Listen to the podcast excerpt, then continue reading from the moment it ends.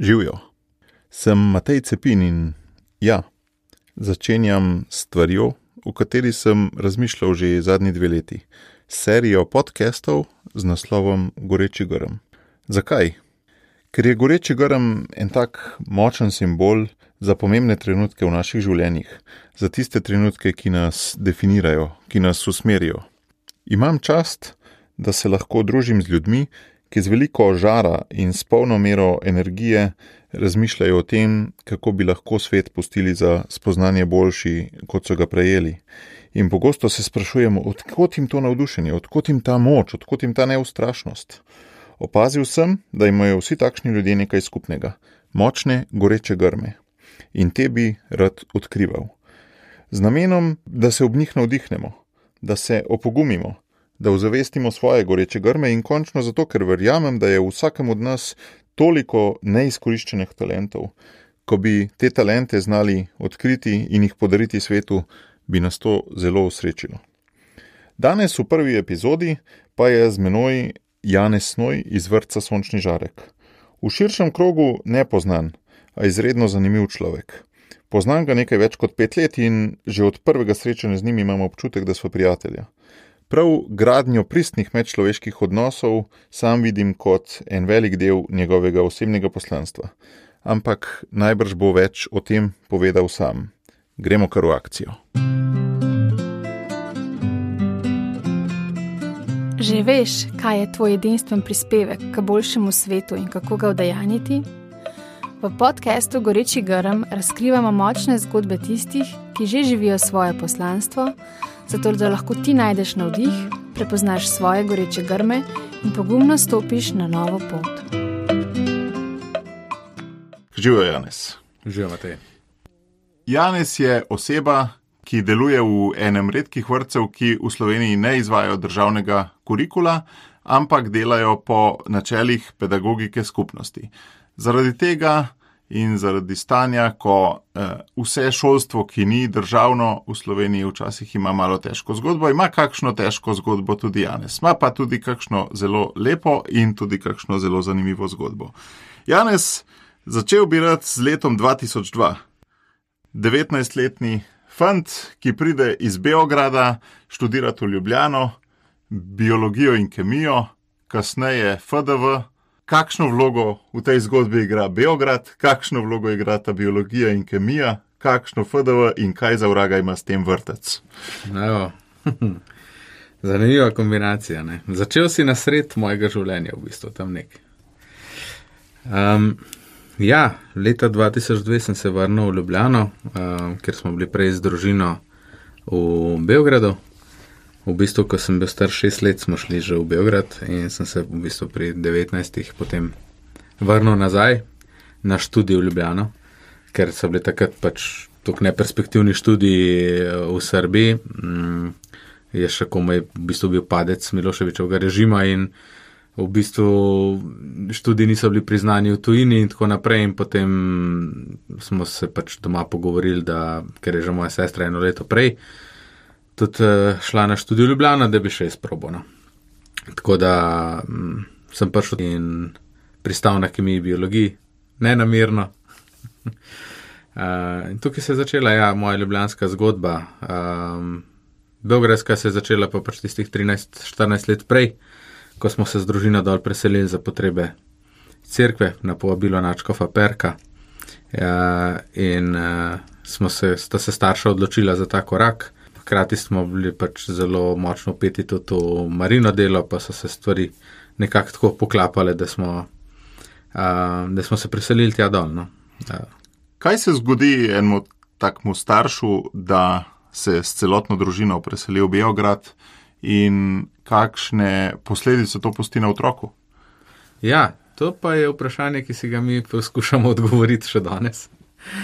Uh, vsekakor pa um, se mi zdi, da je ta korak, ki sta ga starša naredila s tremi majhnimi otroki, pol je še četrta prišla, ko smo bili že v Beogradu, sestrca. Um, mislim, da so to koraki, življenski koraki. Uh, sploh mogoče danes Beograd ne zveni tako um, tragično, kot je zvenel leta 90, ko se je Slovenija osamosvajala, mi pa v Beograd. to je čist drug kontekst, um, nerazumljiv tako za meščane, sosede, sorodnike. Uh, mogoče tudi za nas same, ampak mislim, da sta se pač vrgla v to avanturo, ker sta uh, začutila potrebo in sta videla, da lahko nekaj spremenita, nekaj data svetu, nekaj nesebičnega. V bistvu sta pustila odlične službe. Ne? Mami je bila takrat, uh, ona je skozi vrcih bila pedagogija in je bila že takrat odgovorna za ta cel konc tam pedagoški vodja vrcev, a temu odlično službo ne, tam na podjetju. Skratka, uspela sta z s takimi minimalnimi krediti, oziroma tako hišo obnoviti. Tako, da odlično življenje ima šlo. No, takrat a, sta že v kakem vikendu sanjala, kje in tako, morda celo v prihodnosti. Potem pa v Beograd, brez hiše, brez garantiranih služb, brez vsega pač za klicem, za tem, recimo, temu njunim gorečim grmom. Ste se kdaj pogovarjali, kaj je bil ta klic, kakšne so bile besede ali pa krepenenja tega klica? Um, prav velik o sami odločitvi ne. Mogoče se take odločitve še najlažje naredijo, če se jih hitro naredi. No.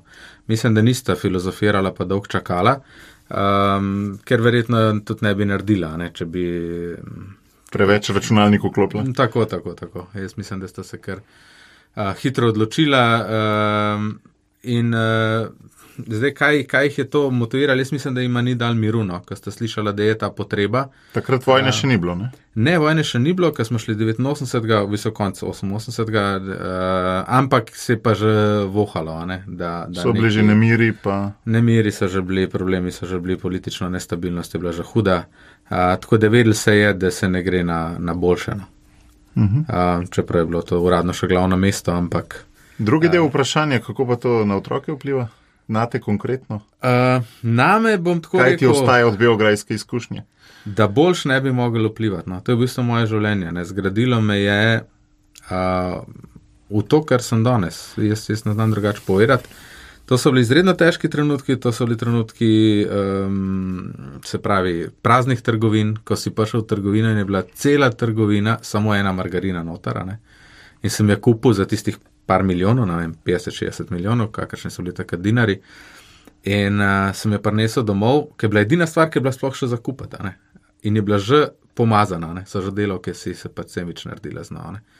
Um, Tukaj je bilo, ne, konkretno, mi smo vojsko videli na cestah in pred našo hišo so tanki vozili in to, ampak so vozili na fronto, ne, niso se streljali pred našimi očmi. Direktno vojno smo spoznali samo v času bombardiranja. Um, ampak tudi ta um, čas embarga in prepovedanega uvoza, in ko imaš sošolce, ko ima za cel dan eno jabolko za pojesti, ne skupaj z mamo in si jo morate razdeliti, ko so ljudje parket kurili doma, da so me za ogrevanje.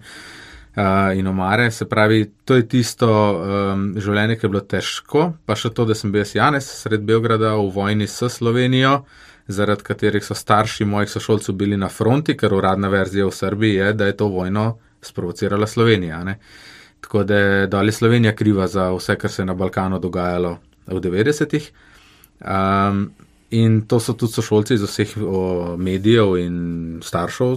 Tako resnico imeli. Jaz sem pa Janes, obrambeni minister je bil Janes Janša, predsednik države je bil uh, Drnovšk, mislim, sami Janez so bili no, kasneje, no, najprej je bil seveda Milan, ampak Tako, Janezi so bili, ne? jaz sem bil Janez in to je, to je pustil velike posledice tudi v, v nesprejetju, v dnevnih pretepanjih po šoli, med šolo in tako naprej. Tako da v bistvu um, tudi so bili večeri, ko pač nisem hotel naslednji dan v šolo. Ne, povej mi, kaj si rekel, kaj je bilo zdaj tle dobrega not? Ker, uh, Začel si, zdaj je bilo nekaj veliko dobrega, zdaj si ja. pa govoril same minuse. Kakšen si izšel ven iz tega, oziroma kaj ti je pustil? No, je vale, glih ta event, vem, da zvečer nisem hotel v šolo, sem tam jokal v posli in pa me mami vprašala, zakaj kaj pa jokaš, nekaj pa je se verjetno vedela. Ne. Um, ampak sem rekel pač, da ne maram iti, zato ker pač me tepejo. Um, ampak da bom pa šel. Uh, zato ker vem, zakaj smo prišli tja, prišli smo imeti te ljudi radi. To je bil nek, eh, neke te male odločitve, male, so kar velike, za tiste starosti primerne. Ne? Um, ki so me pač pol pa gradile. V vsaki tej težavi, v vsaki tej težki preizkušnja, ne, ki je bila revolucija dol proti Miloševiču, recimo tisti protesti so bili hude izkušnja, um, samo vojno, bombardiranje, samo to, da nimaš in tako naprej. Mi smo dol zelo pomagali tudi s humanitarno pomočjo, uh, pomagali ljudem razdeljevati hrano in tako. Tako da v bistvu to smo skoraj dnevno delali, no? cele popodneve, večere, vikende. Mislim, da kot mladi nismo imeli časa prelumpati večera, ker je bila skozi ena akcija za druge. In to hočem reči, ne? ta kriza v 90-ih in to pomankanje je v bistvu iz nas naredil neke akcijske tipe ljudi, ki v vsakem trenutku gledaš, kako bi drugemu lahko še pomagal, kaj bi še lahko za drugega naredil, ker na tem svetu pač imaš eno življenje, moraš ga izkoristiti dobro. Pa misliš, da take hude izkušnje vedno sprovocirajo to v človeku, ali si imel ti neko pač podlago tako, oziroma kaj je bila tista podlaga, če je bila, da je to tako interpretirala? Ja, ta, ta odločitev staršev, da greš kar nekam in imaš rad neke ljudi, ki tebe ne marajo ne, in te celo tepejo, eh, je siguren ena, ena podlaga, da sploh začneš razmišljati v pozitivno smer. Ampak bom tudi rekel, le, gre za neko dolgoročnejšo zadevo. Ne? Mi smo bili vse en tam, jaz sem bil recimo 13-14 let starši še dlje. Um, ti ne moreš živeti od danes do jutra, moraš si ustvariti neko okolje, neko življenje, nekaj lepega, nekaj svetovega, ne? tudi v tej zgodbi in tudi ljudem dati upanje, ki je okrog tebe. Ne? Mi smo tudi, že sami iz medijskega pogleda, mi smo imeli informacije tudi iz Slovenije, mi smo imeli stojine. Jaz se spomnim na šati vsak četrtek zvečer, četrtko večer najdu na enem starem grundingu, ker noben radio ni lovil frekvenco v Slovenijo, ti stari grunding je lovil, četrtek zvečer je ati prklopu. Se pravi, je, so, smo lahko prenašali v to državo, ki je bila zaprta totalno, medijsko in ekonomsko. Um, neko upanje, neke nove informacije, neki, neki svetlejšega. Neki, ne? Meni se zdi, da če si dolgoročno tam, si lažji daš, no? um, da iz tega polečeš neke pozitivne mhm. zaključke. Uh, jaz sem recimo lahko uh, tudi pričeval, ne, v razredu sem bil tujec, ne, mene je recimo že v osnovni šoli me učiteljica dvignila, Janez, zdaj pa tle prid pred tablo in vsem pokaž, kako se katoličani križate. Ne. Um, valjda so se vsi smejali, ampak to je bila una otroška reakcija, ker oni se glih kontra križajo, kot mi. In, uh, ampak pol tudi zato, ker sem veren, recimo, ker je bila pa ta šolska proslava, oni imajo sveto Savo in sveta Sava školska slava, takrat so vsi učenci v vseh šolah frej, pride se sam zjutraj v šolo, kjer pride njihov uh, pop in slavnostni kolač. Uh, vrtijo, polivajo z vinom, in tako.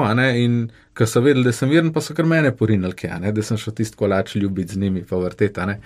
Um, pa v bistvu pravim, so, so se tako kar križale nekako une preizkušnje, malo, ki si mal izvan, pa ki si malo izpostavljen do teh, uh, tako sem še pel pol v te pravoslavne pesmi, tudi prnih na liturgiji, pa tako v zboru. Tako, no, um, se, vse življenje se ti nekako uh, pokriža. No. Zdaj malo se mi povezuje ta imeti rad druge ljudi, pa beseda pedagogike skupnosti, približen se mi počas zlivata skupaj. Ampak kako zdaj v to zgodbo vstopi ta vrtec, pa ta pedagogika skupnosti? Ja, zgodovina našega vrca pa sega še malo dlje nazaj. Ne. To je v bistvu je, to, kar sem že rekel, mami je bila odvedno v vrcih in v pedagogiki. In v bistvu, ko smo mi prišli v Beograd, ona dva nista imela služb, pa neč, ne, in sta šla improvizirati in delati sveče, sta svečarno odprla in sta v bistvu iz PVC cevi doma, pa taht sta kupla, pa neke štofelce lesene in sta ulivala tiste sveče in sta probala pač prodati uh, nekaj, nekaj svet za življenje samo. Uh, morate misliti, pač v Srbiji je čisto druga kultura svečka tle. Ne? Dol oni imajo tiste oranžne, tenke sveče, ki so 2-3 mm, 4-5 maksimum, kar on sam pride, pržge svečko in jo pusti in gre ne, v pesku. In uh, na, mi smo pa navajeni na te rdeče plastične ulitke ali pa une za krst, birmo, pač obhajilo in tako. Sveče, ja. Uh, in, in, Kje smo zdaj pri ja, vrtu? In, in v bistvu ni šlo, imela sta ful probleme, enkrat je zgorela cela svečarna, v glavnem dogodivščine brez konca. In potem ima en župnik, pač eh, tam lokalni, takrat je bil župnik Jože Hauptmann dol v Beogradu, ima ponudil pod katedralo eno sobo, da bi sveče delala in tudi tista svečarna je zgorela ker sta eno svečo pozabila ugasniti, ker sta jo testirala čez noč. Uh, skratka, in takrat je pa ta. Vse uh, veste, kakšen je rezultat testa. Ja, gorela je. Dokazano. um, in da se ogenj nesebično širi. Um, ja, s, um, je pa potem na tem dvorišču katedrale v bistvu ta župnik uh, dal potem prostore v najem enemu vrtu. Dal je prostore in takrat je ena ravnateljica dol odprla vrtec in uh, je pač predlagal naši mamic, pač tudi če če službo da ne vprašal vrtco, če bi jo vzela. Bila njena prva služba v Beogradu. Tako ne, v bistvu druga, ne, svečarna je bila ja. prva. Um, in potem jo niso vzeli kot pedagoga, ampak kot čistilko. Uh, v vrtu uh, in uh, je z veseljem sprejela to službo. V Sloveniji pa že imela pedagoške izkušnje. Ne? Tako in bila odgovorna za cel, cel področje. Ne? Ampak potem se pa se tako pa pač pol grejo, ne? ta pota. Um, je počasi mogoče mi dala kak namik sem, kak namik tja, v bistvu je sprobala delo snažilke, kakšni so odnosi tudi v takih funkcijah, kar je zelo dobro, če nek vodja gre od bottom-up zadeve. In, in tako je pač polona um, svetovala sem, ki je pol ena zbolela, pa jim je mal pomagala, da, da, da, da, da. In hmal so v bistvu ugotovili, da je zelo uh, kompetentna in kompetentna za kaj tasga in so jo vzeli za vzgojiteljico. Um, potem je pa tista direktorica imela ene malverzacije in okol pa našla starše, takrat v 90-ih se vsak znajdel, kar se je pač le znal znajti, če nisi benzin, pa cigarete, šverca si pa pač okol pa našel ljudi, ne, nekako so hoteli preživeti. In uh, je potem ta vrtec v bistvu so direktorico zaprl in je vstal v zraku. In uh, potem so skupaj z odgovornimi iz Maringa dela, tudi so se pogovarjali, kaj bi zdaj s tem vrtcem, da je škoda, da bi zadeva kar propadla, ne, ker uh, In, in je potem ona prevzela ta vrtec, in uh, tukaj so začeli pa potem ta, kar si rekel, pedagogika skupnosti, tle je prišel pa to skupaj. Ker uh, Srbi so zelo uh, bra, pobrateni narod z Rusi pa Francozi. In tukaj to je bil v bistvu prvi zasebni vrtec v Srbiji, um, vrtec Fantazi, ki v bistvu uh, se je odpiral na dvorišču katoliške katedrale ki je čist uh, izven pameti za beograjske razmere, sploh v 90-ih. Um, in zato so tudi noter pol upeljali to francoščino kot jezik. In je, um, zato, da so lahko dve vzgojiteljici, sta v bistvu pa celo življenje preživeli v Franciji, pa se potem prišli v Srbijo in sta v bistvu tam, fran, cel dan v bistvu nekako v francoščini potekalo no, uh, dogajanje. Uh, in, in je to ljudi dosti privlačilo. No čeprav na začetku počas, ampak kje je pa ratala skupnost, ratala je pa prav v tem, ker ona je bila slovenka, dve francozi nista bili notar, eh, srbkinja, ena ukrajinka in uh, starši so bili pa zelo tudi pol mednarodni, zaradi tega, ker so, uh, če je bila francoščina tam, ne je bila zelo uh, privlačna tudi za uh, ambasadorja ne, in njihove pač zaposlene na ambasadah in tako, ker oni se tako selijo in jim je fajn, če najdejo nek univerzalni jezik, da ga otroci uh, govorijo skozi selitve. Ti leta 2002, ko si prišel v Slovenijo, nisi imel cilja najbrž v vrtu delati. Čeprav si imel neko zanimivo izkušnjo iz Srbije o tem. Ne, veš, kaj je bila zanimiva? Zanimiva je bila, da so oni sred vojne uspeli dol obdržati skupnost. In dialog, ki ni bil samo umeven, ne med srpkino in slovenko, ne, a veš, to je bilo dol je bila štala, takrat vojna. Ne? Uh, in, in, in že to, da je tol ratal to in da je bilo dol 100 otrok, 110, 120 otrok, in dol so bili vsi, tudi Bajaga ima dol otroke v tem vrtu, predsednik Tadič takrat. Um, to, to so tudi ceca, ne če se je s tem za pohvaliti. Skratka, hočem reči, to, to je, to je naenkrat je parato tudi prestižen vrtec, ampak ne prestižen, to, to je bila tudi stara stavba, to je ne, ne prestiž, prestiž, ampak odnosi, ki so bili tam grejeni. In so ga imenovali oaza sred Beograda. Uh mhm. -huh. In pa naenkrat začneš verjeti, da je možno tudi v takih katastrofalnih pogojih ustvariti nekaj. Ne? In jaz, ki sem jim tle prišel na študij, pa najprej kemijo-biologijo, zaradi administrativnih napak na univerzi, nima veze, po parih letih sem uspel se prepisati na družboslovje in končal komunikologijo. To vsak študent reče. Ne, da so bile administrativne napake čez dve leti za bluzi. ja, ne, uh, tist, uh, ja, rečemo. No. Uh, ne, tle šla malo za druge zaplete, zato ker sem bil praktično prvi slovenc z maturo iz Srbije, ki je prišel študirati v Slovenijo in niso znali izračunati točke na univerzi. In sem po dveh letih dal ponovni izračun točke in sem iz 46 pik prelezel na 88, tako da sem lahko izbral študij po želji.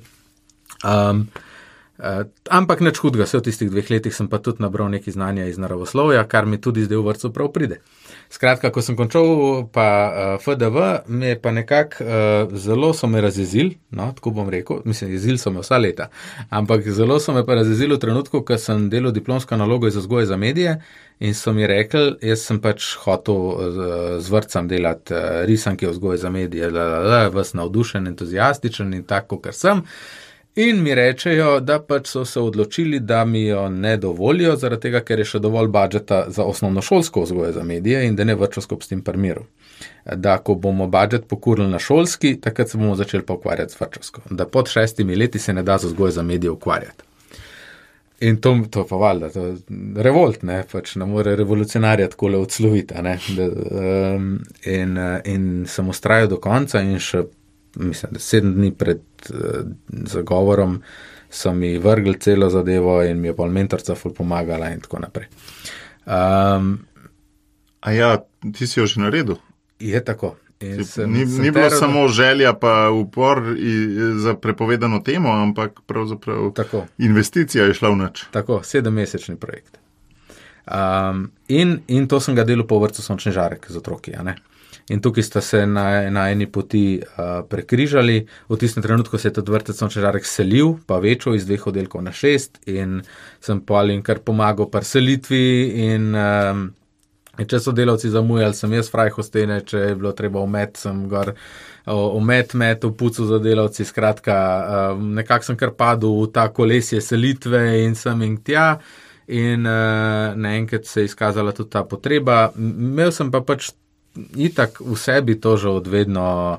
Um, tudi v, v Beogradu vem, da smo že kot otroci, smo vsa, let, vsa leta, ne vem, koliko let zdaj točno, to bi starši bolj vedeli povedati, ker kot mlad človek si to ne zapomniš. Mi smo hodili po službi pucati vrtec, to, tako da smo po službi, po šoli.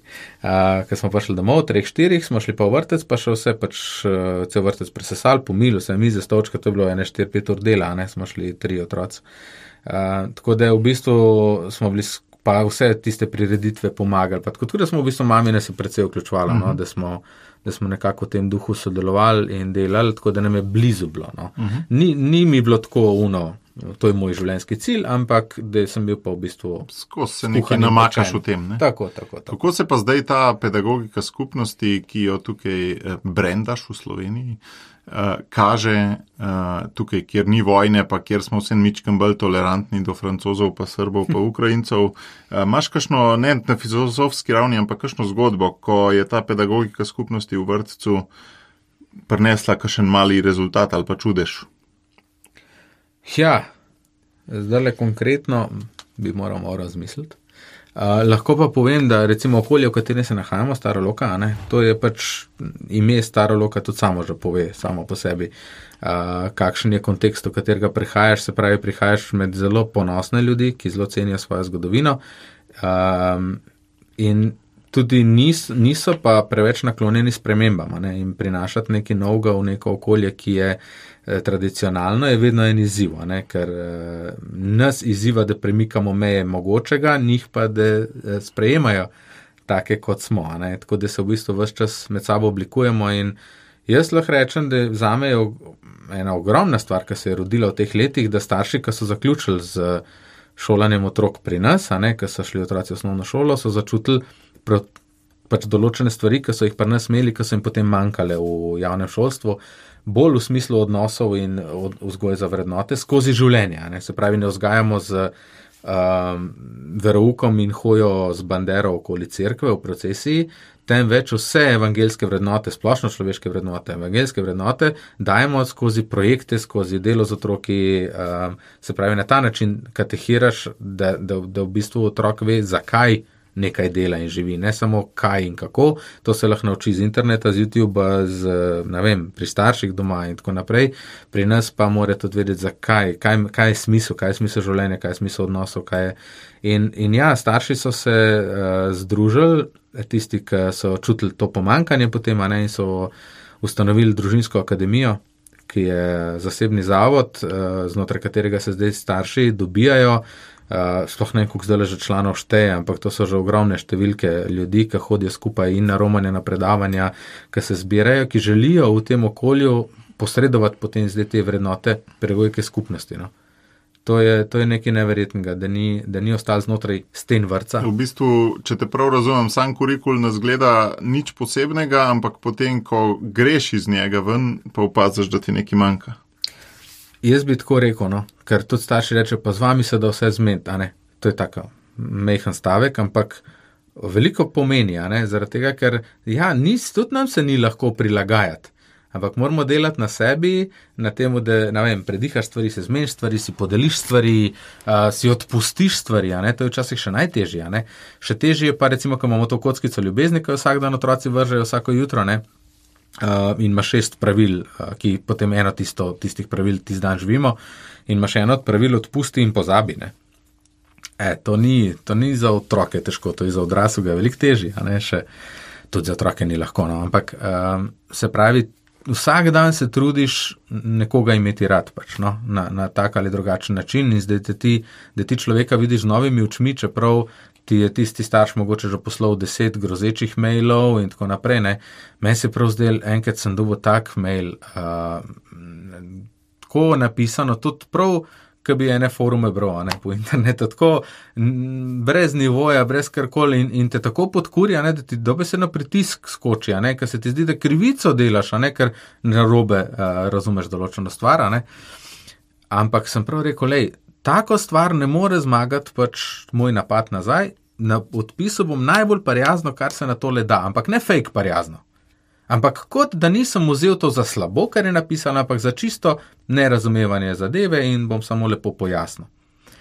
In iz tistega ven je prišel odgovor samo nazaj, hvala vam za tako prijazen odgovor. Nisem vedela, da je to tako, vse je v redu, lepo zdrav. Tako, ampak to so taki konstantni, ne? vsakodnevni mali premiki, ki vidiš, da res ta medsebojni odnosi po ljubezni res rešijo Kaj so pravzaprav te uh, načela, ki stojijo pod to uh, pedagogiko skupnosti? Kaj je tisto, kar, uh, iz česar to izhaja? Ja, jaz tako, če, če rečem čist teološko, recimo, ne, bi rekel, da, da smo v svetem pismu beremo. Ne, da, pa ste, FDV-jevci v teologiji govorite. Tako, tako, tako. FDV-jevci smo vse, veš, od McDonald'sa do teologa. um, Ne, to, to se mi zdi, da je, tam reče, ne, uh, en je vaš učitelj, vi vsi ste pa bratja. Uh, torej, imamo že učitelja, vemo, kdo je učitelj, vemo, kdo je najboljši učitelj. Ne, zdaj, kako pa tega učitelja dobiti v naše učilnice, ne, v naše razrede, je samo tako, da uh, on je tam, kjer sta dva ali tri v njegovem imenu. Ne, se pravi, mu moraš dati možnost, da sploh pride, mu moraš dati pogoje, v katere se on lahko vključi. In uh, tukaj se mi zdi, da je tisto ključno. Se pravi, v vsaki skupini sta dva, Uh, in tiste dva morata med sabo imeti odnose tako poštimane in na takem nivoju, da je dejansko lahko potem pride ven tisto tretje, tisto bistveno. Ne, ne eden, ne drugi in zato pač tudi uradno, valjda, mi imamo vse izobrazbe uradne, vzgojitelj, pomočnik, ampak noben ga ne imenujemo, ti si, učit, ti si vzgojitelj, ti si pa pomočnica ali pa ne vem, zaradi tega, ker morta, ne da morta, ampak. Če ni, če ni enakopravnosti tukaj, ne, uh, odgovornost si pa delita, ne, Um, težko, težko govoriš potem o nekem odnosu, kjer vem, sta si tukaj eno. Tako da tukaj delamo zelo veliko na tem, da se stvari razčiščuje sproti, da se pogovarja, da, da se ustvari klima, kjer potem to lahko funkcionira. Posledično, ker funk, funkcionira skupina, funkcionirata dve skupini, ker imamo tri nadstropja, ne na vsakem nadstropju po dve skupini. Potem posledično funkcionira cel vrtec, cela hiša. Ne? In če, če se pač ena rinka na tej verigi um, sfiži, a ne v enem trenutku, valjda, pač nastopi kriza, nastopi spor, kratek stik. Um, smo pač ljudje, kot vsak drug, ne, um, lahko zapneš pri financah, lahko pri zamujanju, lahko pri nekem neredu, lahko pri kjerkoli, ne pač eh, pride do konflikta. Uh, in ga je treba pač takoj rešiti, ker v bistvu hiša ne diha, če je na eni točki zalomljeno. No. Tako da delamo dosti na teh medsebojnih odnosih, imamo tedenske, mi jim rečemo, kar take duhovne sestanke, ki so mal team buildingški, se pravi nekaj duhovnega, nekaj spodbudnega, eh, mi so preberemo, pa se pa pogovarjamo o tem, kako nam gre v skupini, kako nam gre sodelavcem, kako nam gre pedagoško z otroki, zato da se medsebojno spodbujamo. In to naredimo med spanjem, ne da eno, eno v skupini ostane z otroki, medtem ko otroci spijo, drugi pauzo izkoristijo v bistvu za to, da je dol in pa zabekslamo ponedeljke srede. Um, na odnosih se, se nam zdi, da je pač to ključno, no? da lahko bi nam full alfa, lahko bi imeli full narja, lahko bi imeli totalno fancy učilnice, lahko bi imeli ne vem kakšne kampanje na Facebooku, če bi bili med sabo skregani ali pa to uh, pedagogika pade. No? Ker otrok bo črpal iz odnosa, ne bo črpal iz kvalitetne igrače na mizi. Čeprav danes je cel svet samo to, a ne. A imaš točno to igrače, imaš točno te naravne materijale? To... Ja, imamo vse to. Imamo tudi gozni vrtec, imamo tudi gozno učilnico. Ja, imamo. Ampak to ni prvotnega pomena, čeprav svet to hoče slišati in potem to daš na spletno stran tudi gor, da tudi to imaš. Ampak bistvo je kaj si otroku dal, ne pa uh, iz, iz, iz tega odnosa ven. Nič škodljivega, torej, ampak v Sloveniji, če si zasebni vrtec, greš včasih tudi skozi kakšno hudo uro.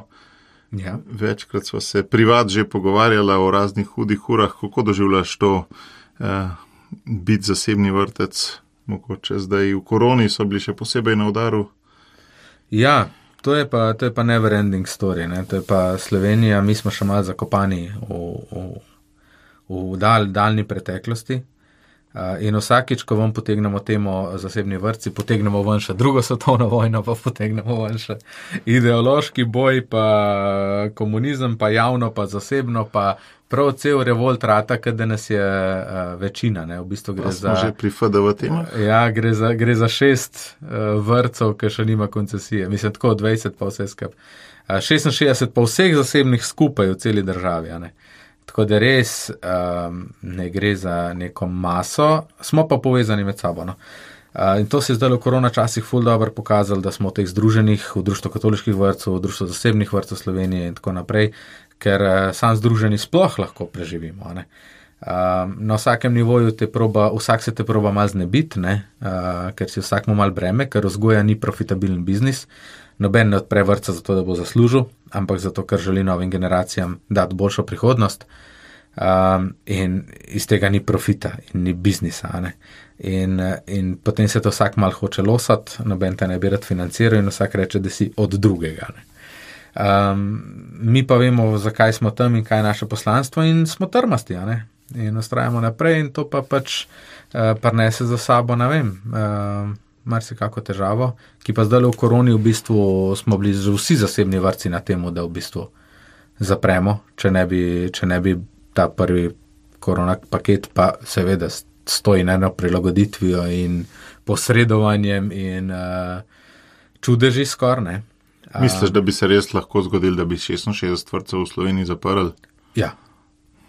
Definitivno uh, zaradi tega, ker um, financiranje zasebnih vrtcev je malo bolj komplicirana zadeva, ni samo da občina da starš pa pika, ampak se to deli na une odstotke, te odstotke, une samke in uh, smo ostali brez dodane vrednosti, brez 15 odstotnega deleža, brez uh, in še na polovični občinskega, tako da v bistvu bi um, en poprečen vrtec zaseben, ne vem, če ima 20 tisoč evrov stroško mesečno za pokrit, bi dubu ven 4 tisoč.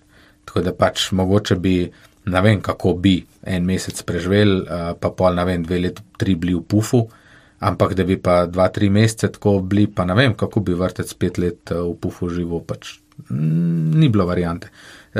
Ta zakon, kar je bil, je bil tako narejen, da smo v bistvu vsi preživeli. Noben, se, noben ni prosperiral, ampak smo pa vsi ohranjali delovna mesta in otroke. Da, um, in to je šlo tako po čudežu, da smo kao izbojevali tako velik, da smo sploh preživeli. So, so še amadmaje noter dajali iz levice, pa se borili, pa tudi na ministrstvu, da, da, da se to ne bi zgodilo. Pa, zato pa pravim temu, ker čudeš, no? da se je vse zgodilo tako, kot se je zgodilo, da, da imamo še vedno v Sloveniji pluralnost uh, vzgoje, čeprav minimalno, ampak je tukaj in kljuva na vest um, in tudi daje rezultate. Ne? To je največji problem v bistvu zasebnega šolstva. Ne? Da nima zanemrljivih rezultatov. Zdaj si šel že na um, pluralnost, na uh, dobro državo, na okolje, v katerem bomo drug drugega sprejemali. Kakšna je pravzaprav, kakšna je pravzaprav tvoja vizija uh, sveta, ki ga skušaš z vrcem ustvarjati? Ja, jaz, uh, en prijatelj mi je pomagal, en Marijo, ki je rekel, da pač danes svet ima know-how. ne. Se pravi, nikoli nismo živeli še. Svet ni bil v času, ko ima več informacij vsak posameznik, kot jih ima danes. Se pravi, podatki so neomejeni. Internet je praktično limitless, uh, vsak lahko bere, vsak ima knjige, vsak se lahko izobražuje. Kot pravijo, v srednjem veku so znali samo župniki brati, pa je bilo tako, kot je bilo. Danes znamo vsi. Um, ampak kam nas to pripele? A je res men vojn, a je res men lakote, a je res men. Ja, vsega je mogoče, mislim, okay, za lakoto pravijo, da jih men umira zadnje čase, ampak še vedno govorimo o milijonskih cifrah, ne, ne govorimo še vedno o treh ljudeh. ne. Uh, se pravi, svet ni postal toliko boljši, ker ima toliko več informacij po sami moralni plati. Postoji tehnično naprednejši, duša pa možgani, mislim, srce pa ni sledilo ne tem. Eh, Zdaj, um, problem je pa no why danes. ne. Danes ni več uh, pri, težko priti do informacij, ampak zakaj bi jaz to delal? ne. Zakaj mi da danes snimamo tale podcast? Kaj ima mir od tega, kaj ima družba danes od tega, kaj imajo teleposlušalci danes od tega? Ne? Pa najne družine. pa na ene družine od tega, uh, ima petrol neki, ne, ki smo dali malo za benzin. Uh, hočem reči, da pač uh, svetu dati moja vizija je uh, smisel, smisel življenja. Ne. V bistvu, zakaj bi ga sploh dajal, se smo ga vedno imeli, ampak ja, v potrošniški družbi, v svetu, kakršen je, v svetu konfliktov, politike, razdora, ne dialoškosti in tako naprej, v bistvu nekako sam še živiš, da imaš, da, da dobro preživiš. Um, itak spremljamo vsi, kam gre svet za na leta in kako um, ogromno je te kulture na moje telo, mora biti perfekta, ne, kondicijska forma, zdravje, če se da 130 let doživeti. a ne, Um, tako, vse se daje na neko, ne, ne se ne daje smisla. Ne, zakaj? In kakšna to je delal, a ne? tehnologija ustvarjanja smisla? Kako se to naredi? Znamo narediti WC papir, znamo narediti barvice, znamo narediti avtomobile, rakete, kako pa se smisel naredi? Uh, iščemo ga. Iščemo ga z navdihom iz skupnosti, zaradi tega, ker um, puščamo otroku in odraslemu, v bistvu se delamo enako starši kot z otroki, um, da, da skupaj odkrivamo, da smo odprti za vse predloge, za vse ideje, za sodelovanje. Te otroci nas zapuščajo. Oni bodo na trg dela vstopili čez 20 let. Um, čez 20 let, recimo v zadnjih desetih letih, ne, ki so zdaj naredili anketo najbolj priljubljeni poklici, od desetih najbolj priljubljenih poklicev, kar šest jih še deset let nazaj ni obstajalo. Ne.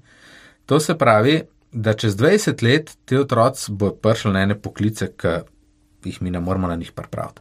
Isto jih osnovno šolstvo ne, ampak jih noče spreminjati. Ne. Naše, naše šolstvo samo zagovarja tekovine preteklosti in ne vem kaj termari v preteklosti in zagovarja, kako smo super roh in sploh, ampak otrok ne pripravlja na življenje, pripravlja jih na življenje industrijske dobe, ne. ki je mim. Um, kaj mi mi želimo dati? Mi jim želimo dati pa tisto, kar jim bo pa prav prišlo. Znati sodelovati, znati se pogovarjati, znati odpustiti, znati skupaj delati, znati, ne vem, ne zamiriti. Mislim, če to ni prihodnost Slovenije, pa ne vem, kaj je. Ne? Ker se mi zdi, da smo tako zakuhani, ena redkih držav, ki je tok, ker mi, mi se v bistvu odluki, ne da se ne strinjamo med sabo, ne? recimo leva, desna stran, pa karkoli jih imenuješ, ampak se sovražimo. Ne? To je čist drug nivo. V parlamentu niso razprave na nivoju argumentov, nestrinjanja, liberalnih in tradicionalnih, ampak na osnovi sovraštva. Ne. In to, to je treba spremeniti. ne. To, to, to naša družba rabi te spremembe. Pa čeprav je to 200 otrok na leto, ki jih spremenimo, ne. ampak lej, morda pa nekoč nekdo od njih. Samom izkušnjo, ko sem prišel na svojo prvo delovno mesto, sem postal desen uh -huh. na mladinskem cehu. Torej, avtomatsko najbrž se je že podrazumevalo, da so bili moji stari starši domobranci, pa jaz ne vem za to. E, tudi prva najbrž se upisuje 99% desnih. Kako zdaj lahko ti rečeš meni, da um, če samo eno stvar, eno stran opolnomočite, kako zdaj v bistvu lahko rečeš meni, da delate za to, da bi se obe strani eh, združile in imele več dialoga? Ja, to mogoče bi veljalo, eh, Matej, za prva leta vrca, ki se je dejansko postavil kot mali botični župnijski vrtec. Danes pa temu ni tako. Uh, v našem vrtu imamo noter tudi muslimane, v našem vrtu imamo prepričanja leva, desna. Uh, če nas obišče en politik, dobijamo maile z ene strani, če nas obišče drugi politik, dobimo maile z druge strani.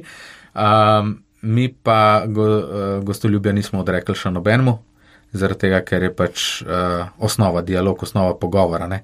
Recimo, ko se nam je zamenil župan prejšnji, ne, uh, je bil za nas soden dan, je bil pogrom. Uh, smo bili tudi na tem, da kar dol zapremo. Um, skratka, do danes lahko rečem, da je on naš največji zagovornik na občini, udeležuje se redno naših dogodkov in imamo fantastičen odnos, ker smo bili v odnosu skupaj z njim. No. In to se je spremenilo tako za 100 odstotkov, to je, to je šlo 180 stopinjski zasuk, to ni, ni bila mala sprememba, zdaj smo pa v ljudnostni. Ne. Iz tega odnosa, iz iskrenosti, da se, ne, da se. Um, tako da je čist uh, mirno, da se. Včasih mi, ko uh, govorim zelo različnimi in se poskušamo sprejemati, uh, očitajo morda bolj duhovno prosvetljeni ljudje, da če govoriš s preveč različnimi, ponavadi zanemarjaš resnico. Uh mhm. -huh. Da je zelo nevarno, da potem nisi dovolj moralen ali pa da nisi dovolj uh, razsoden v ključnih življenjskih odločitvah, ker se pač navlečevate vse sorte smeti. Vse glihar, ne. Ja, to, to bi lahko na hitro tako zvenelo, ampak zdaj odvisno na kaj imaš fokus. Ne? Če imam jaz fokus na otroku in kaj je dobro za otroka, za njegov razvoj, potem je čisto vse en kaj uh, leti na me, ali pa na institucijo, ali pa na tvoj pristop, ali pa na mene direktno. Če jaz vem, da je za otroka dobro, da je dialoški, um, je prav, da mu uh, to omogočam. Pa čeprav bo kdo rekel, um, moramo ustrajati na svojem, pa vemo pa, da to ni rešitev. Samo smo pa čipki, se ni lahko odpuščati, ni lahko iti naprej. Ja.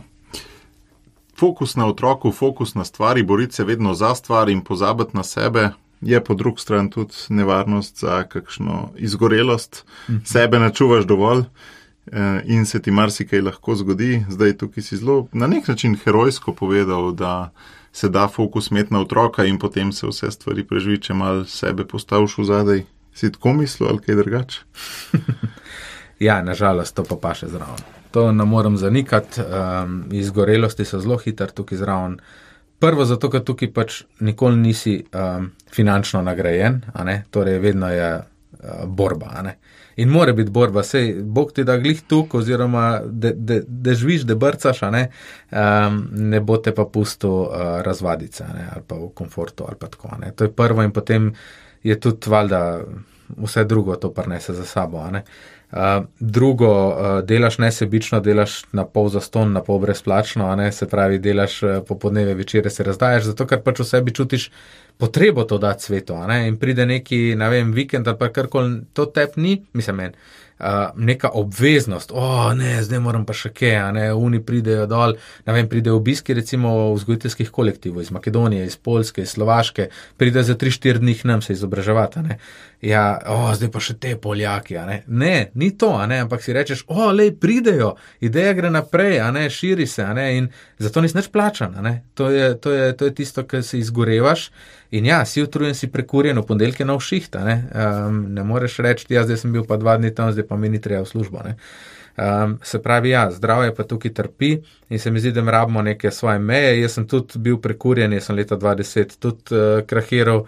Um, in takrat sem določene treninge dal tudi čez, in ja, si znam danes zastaviti pravo vprašanje v tistem trenutku, ko imaš krizo, ko je težko, um, da ne greš česno. Da, zaupati si, znati razdeliti delo, uh, povedati, no? tudi, tudi govoriti te stvari, razširiti na kolektivu, zaupati. In mislim, da smo kot tim, uh, kar se tega tiče, fantastično odprti in um, mogoče tudi to, no? da je to klaži, ker res dihamo en za drugim in pokrivamo en drugega. No? Drage poslušalke, spoštovani poslušalci, Janes je rekel, niti težko iti čez vikend delati, ker veš, da to delaš zaradi tiste ideje, zaradi svoje obljubljene žele, bi lahko tudi rekel. To je tisto, v kar verjamemo v tem podkastu, da obstaja služba, v kateri boste mogli paziti, da ne delate preveč, v kateri boste imeli smislu, v, boste, v kateri boste čutili, da ste na pravem kraju, na pravem mestu in k temu prispeva naš podcast Goreči Grm. Zato nas spremljajte tudi v naslednjih epizodah, navdihujte se ob eh, čudovitih gostih, ob katerih se navdihujem tudi sam. Tebi, Janes, pa hvala, da smo, da smo dali skozi to krstno izvedbo. Srečno pri tvojem poslanstvu. Hvala za vabilo, Matej.